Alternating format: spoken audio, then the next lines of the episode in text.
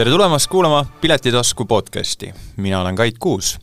täna on mul väga hea meel tervitada külas kahte suurepärast Eesti muusikut, Mikk Tammepõld ansamblist Draamamaama ja Heiko Leesment ansamblist Sybil Wayne. tere tulemast! tervist! tere! härrad, te olete täna siin väga heal põhjusel, kohe, kohe peagi, teisel juunil, toimub Paavli kultuurivabrikus Tallinnas üks ääretult põnev kontsert, kus kaks Eesti legendaarset rokkansamblit, kui nii võib öelda, saavad koos laval kokku, andes väga kihvti kontserdi. äkki omalt poolt äh, kommenteerite, miks see kontsert saab olema põnev ja võib-olla natuke erilisem? no number üks on see, et me ei, olegi tegelikult Draamamaamaga kunagi vist ühtegi korda lava jaganud. Ei ole. ja nii et ja, ja number kaks on see, et me oleme seda korduvalt üritanud teha ja see on nüüd esimene kord, kus õnnestub, sest me, see jutt sellest, et me võiksime nagu koos teha, ma mäletan, et see jäigi vist koroonaaega vist esimest traksu, kui, kui see, kuna meil see, meil tulid albumid suhteliselt samal ajal välja. albumid kahe tuhande kahekümnendal. jah, kaks tuhat kakskümmend ilmusid mõlemal plaadid ja siis oli see jutt, et teeks koos just, ja siis, siis oli nii, et, et noh, umbes kohe järgmisel nädalal pidi algama, aga siis algas hoopis nädal enne koroona ja siis oligi that's it. ja nüüd on, selles mõttes oli väga äge, et, et kui, kui Mikk Ühendust võttis, ütles, et kuule, et selline võimalus ja ja no muidugi see Paavli kultuurivabrik ise, on ju, et, et ikkagi verivärske kontsertkoht, ma arvan, et ja kindlasti põnev avastamine ka inimestele selles mõttes, et see avatakse ju alles, ma ei tea, päev enne vist umbes või paar päeva enne, on ju? no selles mõttes seal juba on toimunud üritusi ja ma arvan, et see avafest vist on neil nagu, on ju, mingi just nagu vahetult jah, enne? selles mõttes selline grand opening on vahetult ennem, aga just, ja meie oleme siis nagu esimene show pärast avafesti, nii et no suur au, eks. aga kas te olete juba jõudnud ise käia seal vaatamas või kuulamas, kogemas? Äh, mina käisin Tallinn Music Weeki ajal seal kuulamas ja väga kihvt koht on mm,, eriti arvestades, et tegu on suvise kontserdiga, siis äh, seal on mõnusalt nagu sellist äh, värskes õhus veetmise ruumi, lisaks kontserdisaalile ja saal, saalil veel kõrvalruumid ja ja on selline kohalik toitlustus ja sellist ägedat hängamise space'i. jah, ja minul on nagu, kuna minu Tallinna kodu, eks ole, paikneb Koplis, siis äh, mul on igal juhul suur rõõm kõige selle üle, mis areneb sinnapoole, et minu äh, teekond kultuurini lüheneb. et äh, praegu olen ainult Potik olnud ja Põhjala tehas, mis seda pakub, et aga siis nagu tekib nagu neid asju sinna veel, nii et. Ja need, need, kes on Kopli kandis käinud näiteks Paavli kaltsukas, siis on väga lihtne juhatada, et jõuategi Paavli kaltsuka juurde ja siis üle tee, üle tee sellest. just, nii et sõna Paavli igastahes noh, see vist juba tõesti, et teadlikumale inimesele nagu väga segadust ei valmista,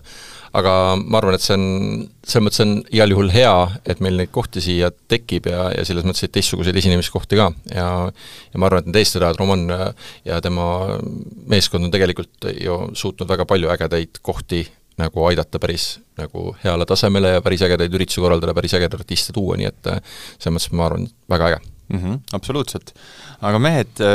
mul on hea meel, et te saite kohale tulla ja kindlasti tervitused teie bändikaaslastele, aga kuna teie kaks olete täna siin, Heiko ja Mikk, siis võib-olla ma küsin teilt, et aga kuidas muusika kui selline teie ellu üldse tuli, et äh, võib-olla siis avate natuke telgitaguseid, äh, et miks te otsustasite ühel hetkel pühendunumalt muusikaga tegelema hakata ja siis loomulikult ka muusikat esitama hakata? võib-olla Mikk? Äh, minu jaoks langes see bändi tegemise pisikese algus aastasse kaks tuhat, kui ma mm, olin lõpetamas keskkooli ja oli enam-vähem kindel siht, et ma lähen ülikooli, astun ülikooli äh, pedasse telerežiid õppima, ehk siis televisiooni, televisiooni ja teatrikallakuga. aga samal ajal äh, kutsuti mind ühte Pirita punkbändi, äh, kuhu ma siis jäingi nagu pidama, sellest bändist kasvas välja Free Day esimene ansambel ja ma mäletan küll seda, et mis punkbändi nimi oli, Mikk, mina lihtsalt The Bunkers. ahah, okei okay ta oli ka me-, Meri, Merivälja bänd pigem. aga, aga see, see nagu selline proovi tegemine ja kogu see kamraadlus, mis sellega kaasa tuli, see oli midagi nii ägedat, et et ma nagu sellest ei ole siiamaani lahti saanud, et isegi kui on olnud selliseid perioode, kus ma ei ole nagu aktiivselt bändi teinud ja olen muusikat ise kirjutanud ja sooloartistina siis eh, mingite projektidega nagu edasi liikunud, siis, siis see igatsus nii-öelda bändi tegemise ja sellise mm, nagu selle kommuuni, kommuuni tun-, tunnetusega, mis sellega kaasneb, on nagu äge ja see sõprus. Et äh,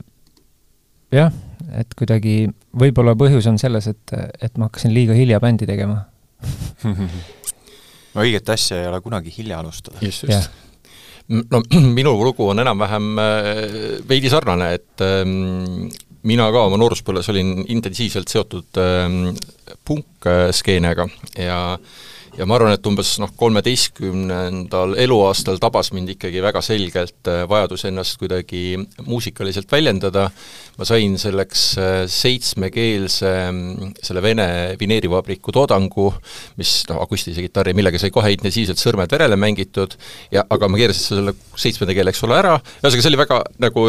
selline huvitav periood. Ja siis ma ikkagi mingil hetkel ütlesin oma klassivendale, et nüüd me peame bändi tegema. ja no ega midagi mängida ei osanud, aga noh, selles mõttes, et see visioon oli nagu paigas ja sellest ajast saadik on ikkagi nii, et igal nädalavahetusel on olnud kas kontsert või proov minu elus. ja kui on nagu olnud perioode, kus seda eh, ei toimu, siis mu vaimne tervis kohe halveneb, ma nagu reaalselt tunnen seda, et see, see nagu sellel muusikal on väga sügav mõju või sellele, et ma saan muusikaga tegeleda minu tegevustest, et noh, ma ei tea, et mul on nagu väga palju asju, mida mul on oma igapäevatöö, mul on, ma ei tea, akadeemiline maailm, kus ma nügimist uurin, eks ole, neid asju on väga palju, aga see muusika roll ja tähendus on hästi oluline. ja, ja noh, huvitav ongi see, et, et kõik, kes on olnud nagu erinevatel eluperioodidel, eks ju, et alguses olid need klassivennad, siis nagu järjest leidsid nagu inimesi, kellega siis uusi bände teha, nii et et see, et see bändi tegemine on olnud nagu ise nagu kogu aeg ongoing protsess. no see on nagu huvitav, et äh, enamus muusikutel algab see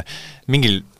rohkemal või vähemal määral punk pungi tegemisest. sest see, sest sinna võib sisse minna niimoodi, et sa ei pea oskama ja, ja keegi ei naera ja, ja sul ei ole piinlik ja sa ei tunne ennast halvasti, kui sa ilmselt džässiga siseneksid, on ju, et nagu oskamata mitte midagi, siis vist võib olla probleeme võib tekitada probleeme, jah. ja, ja see enesekindlus, mis on,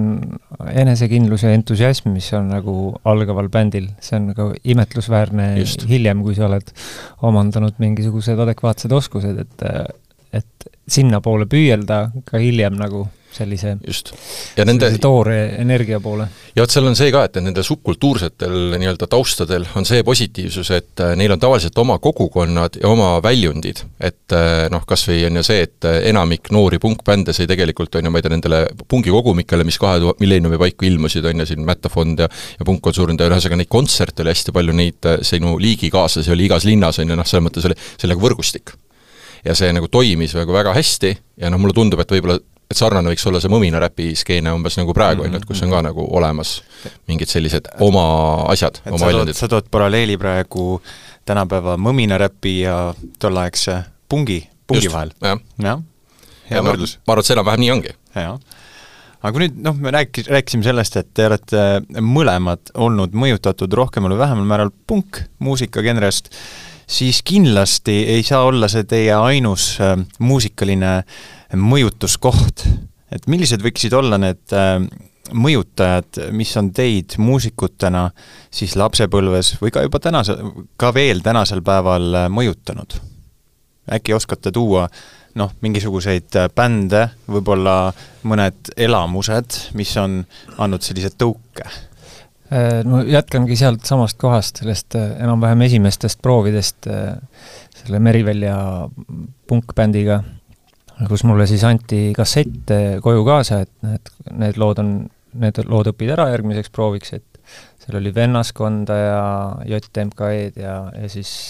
nende enda kirjutatud äh, laule. ja siis ma õppisin need ära, minu jaoks oli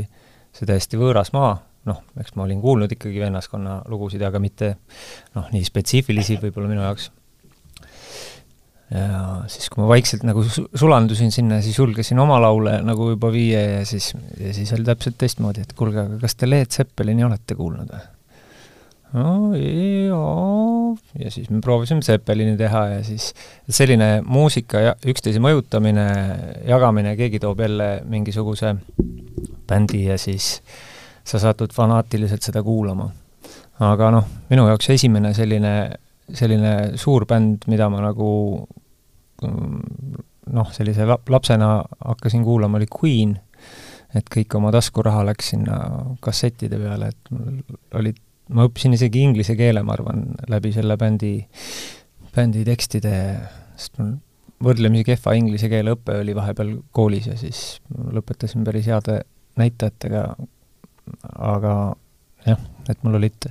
seitsmeteistkümne albumi laulutekstid olid peas põhimõtteliselt juba. fenomenaalne mälu on sul. no eh,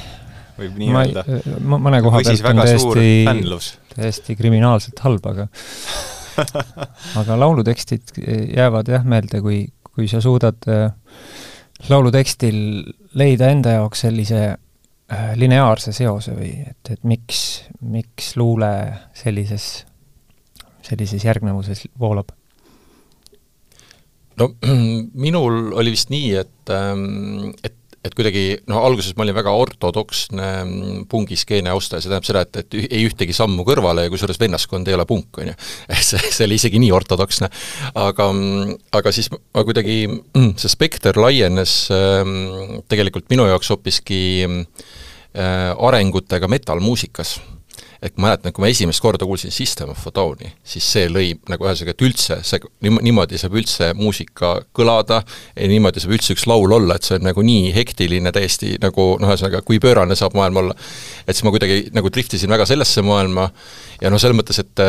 et Led Zeppelin lihtsalt pungimaailmas oli nagu alati minu jaoks või Pink Floyd on ju, need olid nagu noh, et need olid nagu oponendid Sex Pistolsile, seega ma nagu suhtusin neisse eelarvamusega. aga noh, õnneks, et see kahe tuhandendad oli selles mõttes äge aeg, et, et internetist tuli nii palju muusikat, noh, piraadina muidugi, et mida siis, nüüd on õnneks on karmavõlga kõvasti vähendatud nende vinüülplaatide ostmisega, aga mm, see lihtsalt, mis nagu,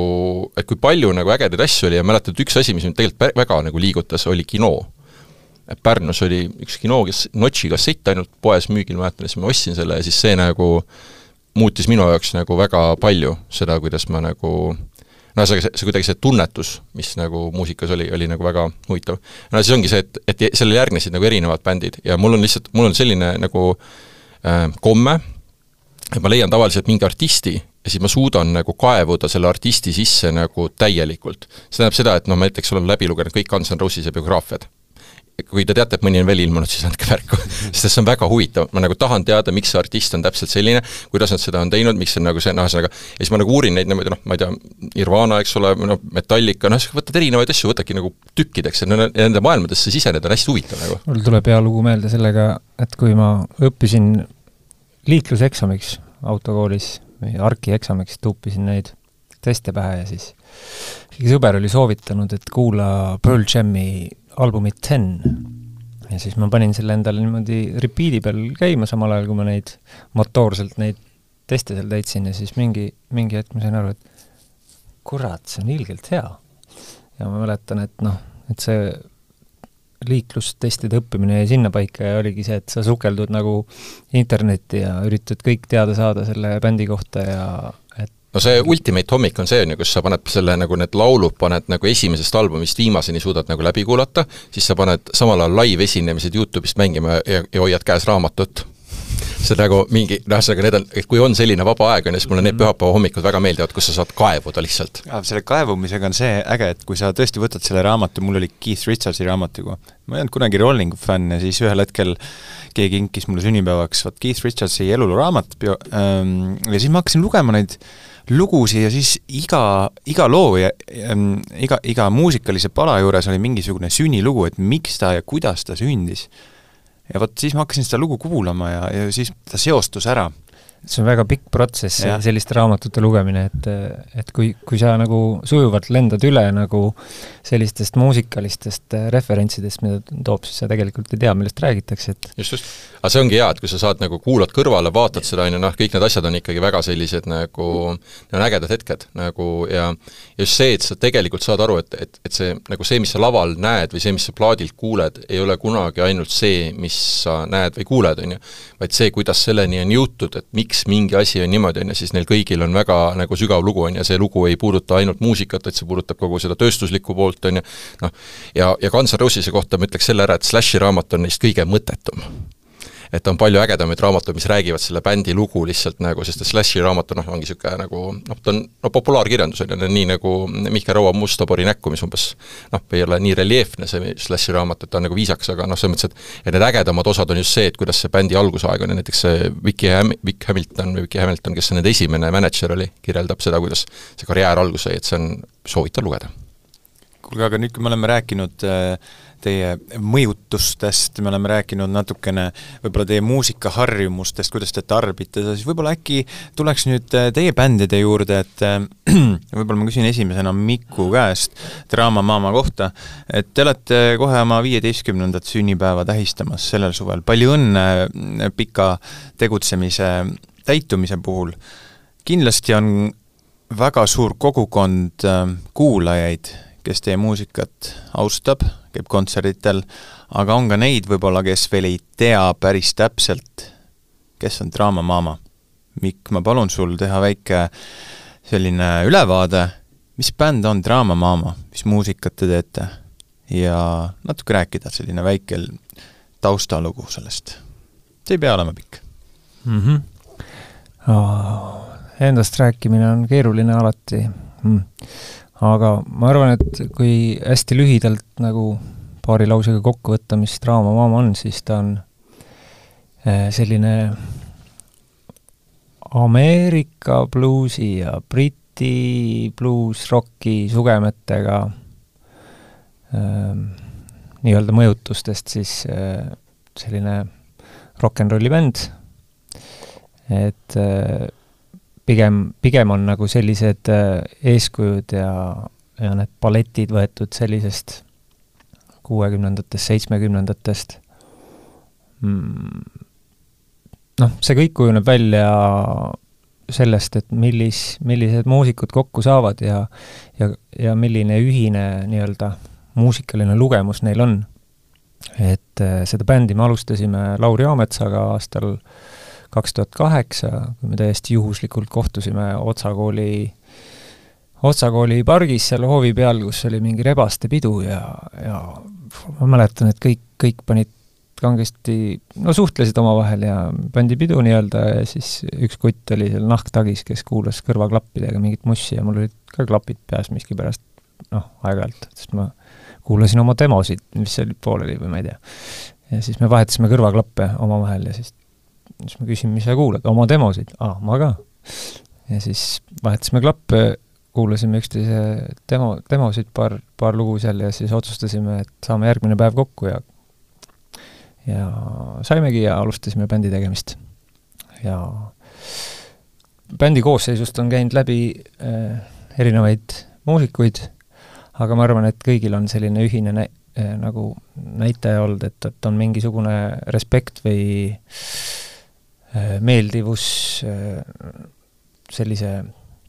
veits vanakooli rock n rolli poole. et äh, ja,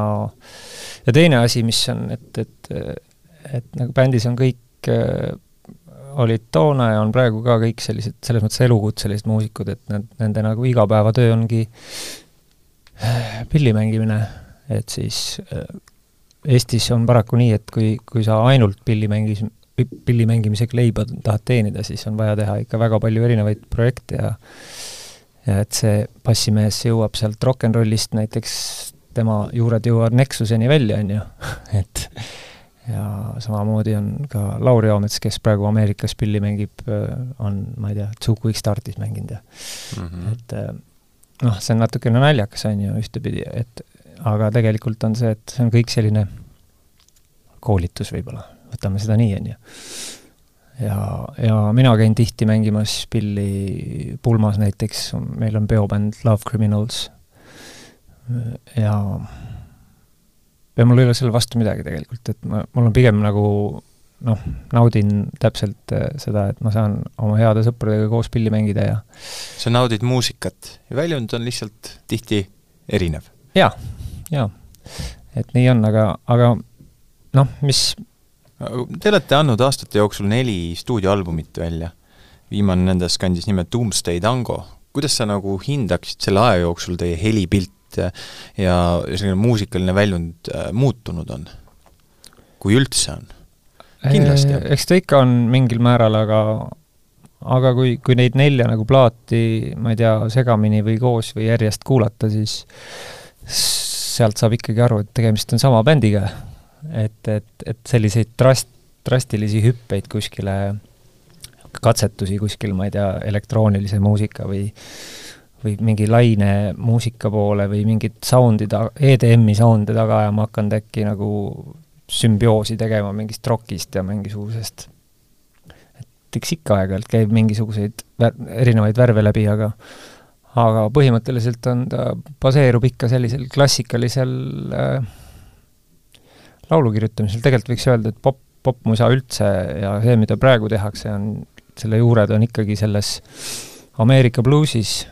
äh, esimene, neljas, viies aste, et et, et see on nagu selle üm-, selle ümber nagu äh, see tants on nagu käinud.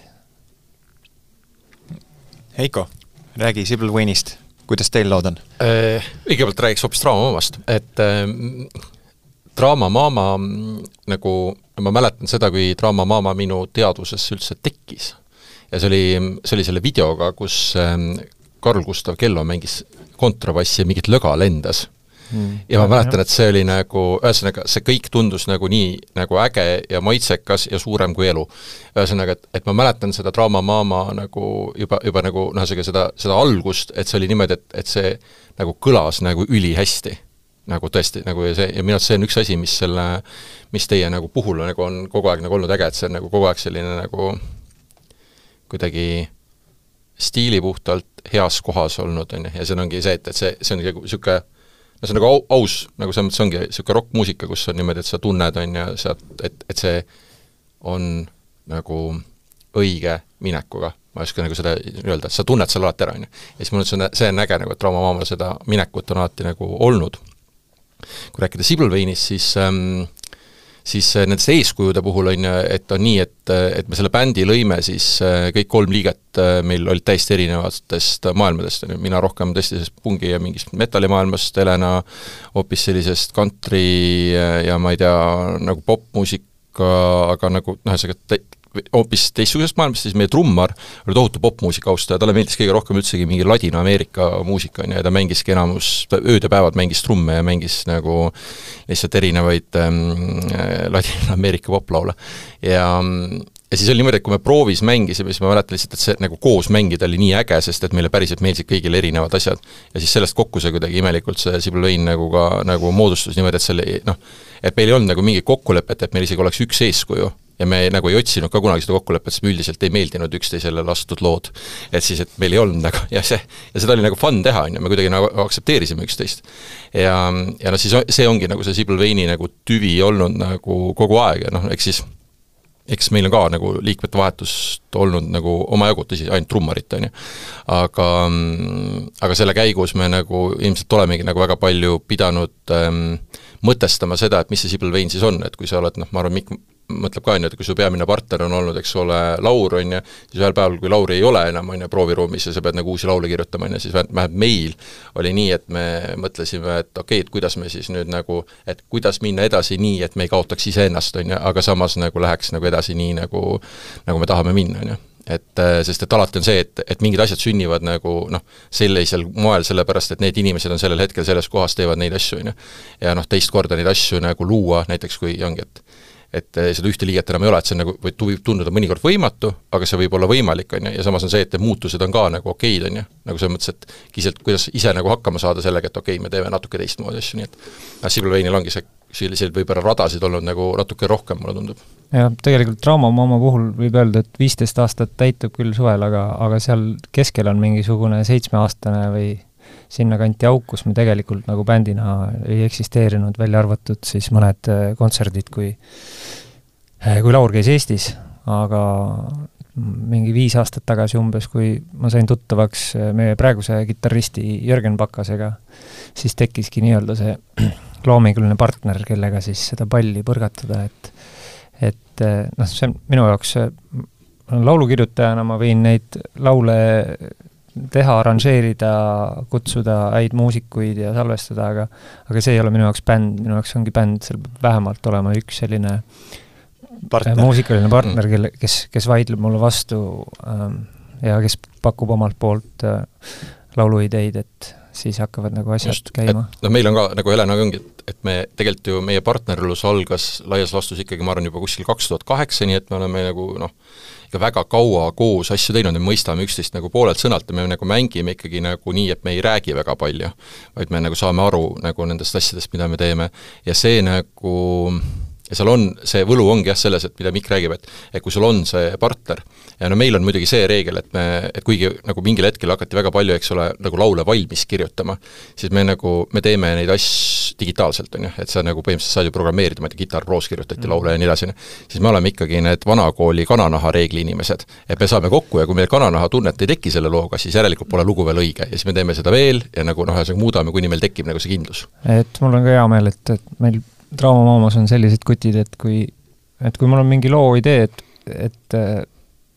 seal võib olla, et on A osa ja B osa, on ju. seal peab olema mingi tugev meloodia ja tekstialge, et et kui, kui see tundub mulle piisavalt tugev asi, mida presenteerida, siis siis ma ei kipugi tegema, ma ei hakkagi seda arranžeerima ennem, kui, kui me saame ise kokku omavahel ja ja, ja kõik saavad aru, et, et nüüd on vaja lugu mängida, mitte, mitte trummar ei mängi trumme, vaid mm. trummar mängib lugu. et me otsime seda lugu sellest, sellest harmooniast ja meloodiast ja siis äh, need noh, need on kõige kuidagi ausamad lood, mis sünnivad niimoodi, et äh, iga muusiku nii-öelda sõrmejälg on seal küljes jah, ja see ongi see, et, et see, see, see hetk, kui sa tunned prooviruumis ära, et see nagu läks õigeks, siis sa tunned selle seal ruumis ära minu arust, see on nagu alati, et ja, ah, nüüd on ju. see on mm -hmm kõigil, kõigil lähevad näod naerule. just, et seal on nagu, ühesõnaga see klikk on olemas ja minu arust see on hästi oluline, et nagu, et, et see, et ja see teebki selle bändi tegemise nagu ägedaks, et need tunded, et kui sa näed, nagu lähed sellesse flow'sse sisse ja sa nagu ulbid seal kuskile, siis sa õnnestud lõpuks ja siis lõpuks tulebki see nagu ideaalne demo, millega sa tahaks juba järgmisel kontserdil minna ja rahvale lihtsalt nagu pakkuda kõige paremat elamust, on ju, et see nagu on noh, need, need ongi need ägedad hetked, noh aga ma küsiks võib-olla Sybil Wayne'i kohta seda, et pärast esimese debüütalbumi väljaandmist ta ootas teid ja saatis teid suur edu, te esinesite väga mitmes erinevas Euroopa riigis, te andsite rohkelt kontserte mm. Teil on päris korralik kogemus, te pagas sellega, mida see teile lisaks sellele kogemusele andis ja millised, ütleme, meeldejäävad seigad sa võib-olla sellest kaasa võtsid mm. või teie bänd? no üks asi on see kindlasti, et, ähm, et et meie rahvusvaheline karjäär algas nii, et ma reaalselt kirjutasin esimest korda inglise keeles kellelegi teisele e-kirja ehk siis, et äh, kuna ma olin selle bändi mänedžer, ma nagu, meil lihtsalt see, need asjad juhtusid, on ju, selles mõttes tol hetkel meiega nii, ja see nagu enda kokkuvõtmine, et nüüd hakata nüüd päriselt nagu rahvusvahelisel tasandil kuidagi suhtlema erinevates riikides ja nagu ühesõnaga, et et üldse, kuidas reisimine käib, sest et siis ei olnud nagu internetigi telefonis põhimõtteliselt ei olnudki, jah. ja, ja nuppudega telefoniga tegime Facebooki postitusi, et seal sai pilti teha ja siis kuidagi niimoodi liikusid, et ühesõnaga, et kogu see sotsiaalmeedia tegemine, ühesõnaga kõik on väga palju muutunud. aga mida, mis me kaasa võtsime, oli see, et see karastas meid, me ei olnud inimestena tegelikult väga palju reisinudki ehk siis me olime niimoodi, et läksime esimest korda ikkagi Leetu, siis me äh, olime niimoodi, et nii, et mis nüüd saab, kuhu me minema peame, meil on see Tom-Tom, mille kaart oli muidugi uuendamata, mis ei näidanud ühtegi teed, ühesõnaga oli väga palju nagu selliseid elemente, mille puhul sa said aru, et see lihtsalt teeb sind nagu suuremaks ja targemaks inimeseks, kes saab nagu paremini oma eluga hakkama. aga üks kõige suurem õppetund, mis selles kõiges on, on see, et et see et see kodupublik on tegelikult kõige suurem väärtus. et kui me kahe tuhande seitsmeteistkümnendal aastal oma teise albumi välja andsime, viis aastat pärast debüütalbumit ja olles siis nagu vahepeal olnud sellises esinemisgraafikus, kus me andsime Eestis ainult, ma ei tea, kakskümmend protsenti oma kõikidest ko-, kontsertidest, siis äh, me saime aru, et noh, meil nagu me noh, see side nagu kodupublikuga oli nagu täiesti kadunud, on ju, aga see suur nagu ambitsioon vallutada nagu maailma,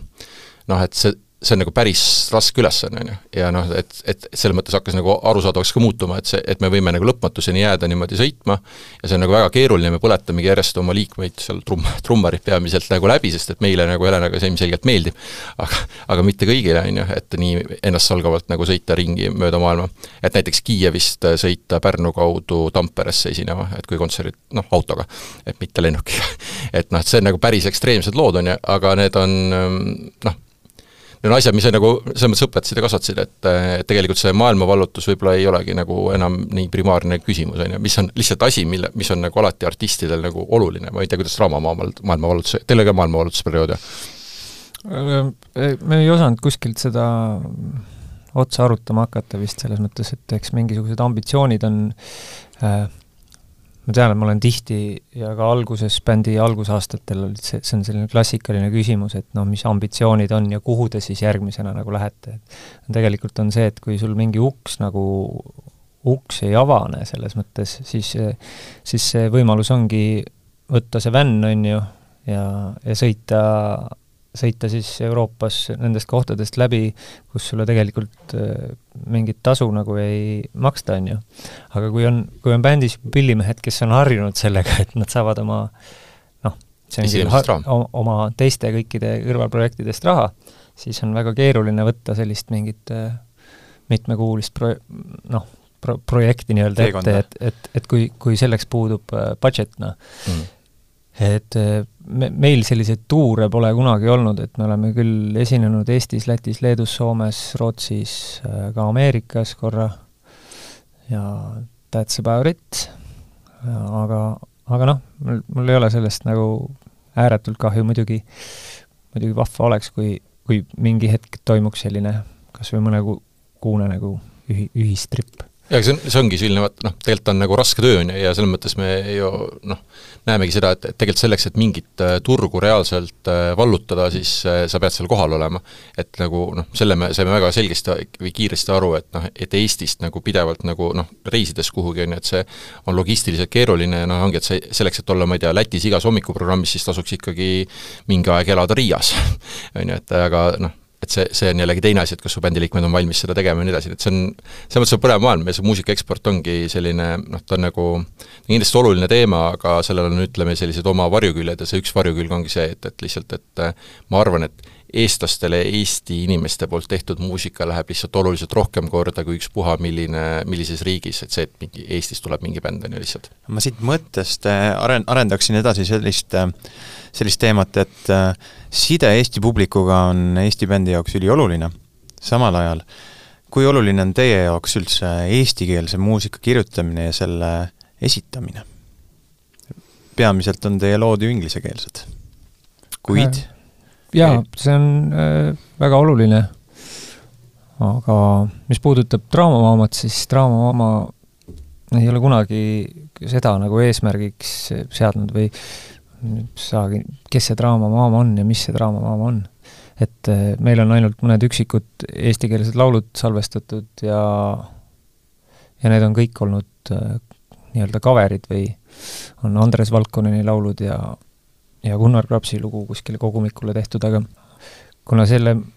selle bändi nagu selline noh, karakter on, ongi kõik sellises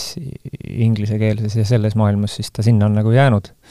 ja see tundub täiesti loomulik mulle. ja noh, seda, seda juttu nagu bändi puhul on nagu aastaid kuulnud, et miks te eesti keeles ei tee ja, ja siis, kui midagi eesti keeles tuleb, siis noh, see see nagu ei muuda nagu selles mõttes suures plaanis midagi, sa teedki selle hea loo. aga noh, ma olen ise, ise teinud eesti keel, eesti keeles Eesti luuletajate tekstidele siis oma sooloplaadi ja, ja mitmeid laule veel. Aga, aga pigem on see, et ma arvan, et, et kui bändi juures on mingisugune, bänd, kas siis bändisiseselt on väga tugev äh, tekstikirjutaja või kellel on sellist luuleannet, siis see on ikka väga suur võit, mina iseennast ei, ei pea nagu luuletajaks, ma olen nagu lauluteksti kirjutaja ja ja laulud sünnivad tihti mingitest meloodiatest ja fraasidest ja käikudest ja nad on noh, nad lähevad kohe võrdlemisi lukku ja minu jaoks äh, tulevad need inglisekeelsed kujundid kuidagi palju kirgem, kergemalt kui kui eesti keele, eesti, eesti keeles mis on noh, ühtepidi kummaline, aga aga ma arvan, et see sõnavara just, äh, kuna ma olen tarbinud seda Bob Dylanist kuni ma ei tea, kuhumaani välja, äh, on see nii-öelda see, täpselt see sõnavara on, mis, mis haakub äh, nende meloodiatega, on inglise keeles, siis siis rohkem olen ma kirjutanud inglise keeles no meil kirjutab tekste eranditult Helena ja see on, ja, ja see on see, mida ta teeb, lihtsalt on väga muljetavaldav, aga aga meid ka on kõik need aastad tegelikult jälitanud see küsimus, et aga miks te ei ole ühtegi laulu teinud ähm, eesti keeles. ja viimane kord, kui ma sellele küsimusele mõtlesin, olin ma Noblessneris kai peal, oli teine detsember tuhat üheksasada, üheksa, kaks tuhat kakskümmend üks, jah, ja, ja siis ma vaatasin enda kõrval olevat Kaisa Lingi, kes teatavasti on tõlkija ja tohutult hea mm, keelekasutusega inimene, siis ütles, et Kaisa, kas sa oleksid nõus tõlkima ühe meie loo? Ja, ja muidugi Kaisa oli sellest, haaras sellest mõttest kohe kinni. Ja, ja siis me tõlkisime ühe oma plaadi, noh, eelmise plaadi nimiloo Duchessi eesti keelde. Ja,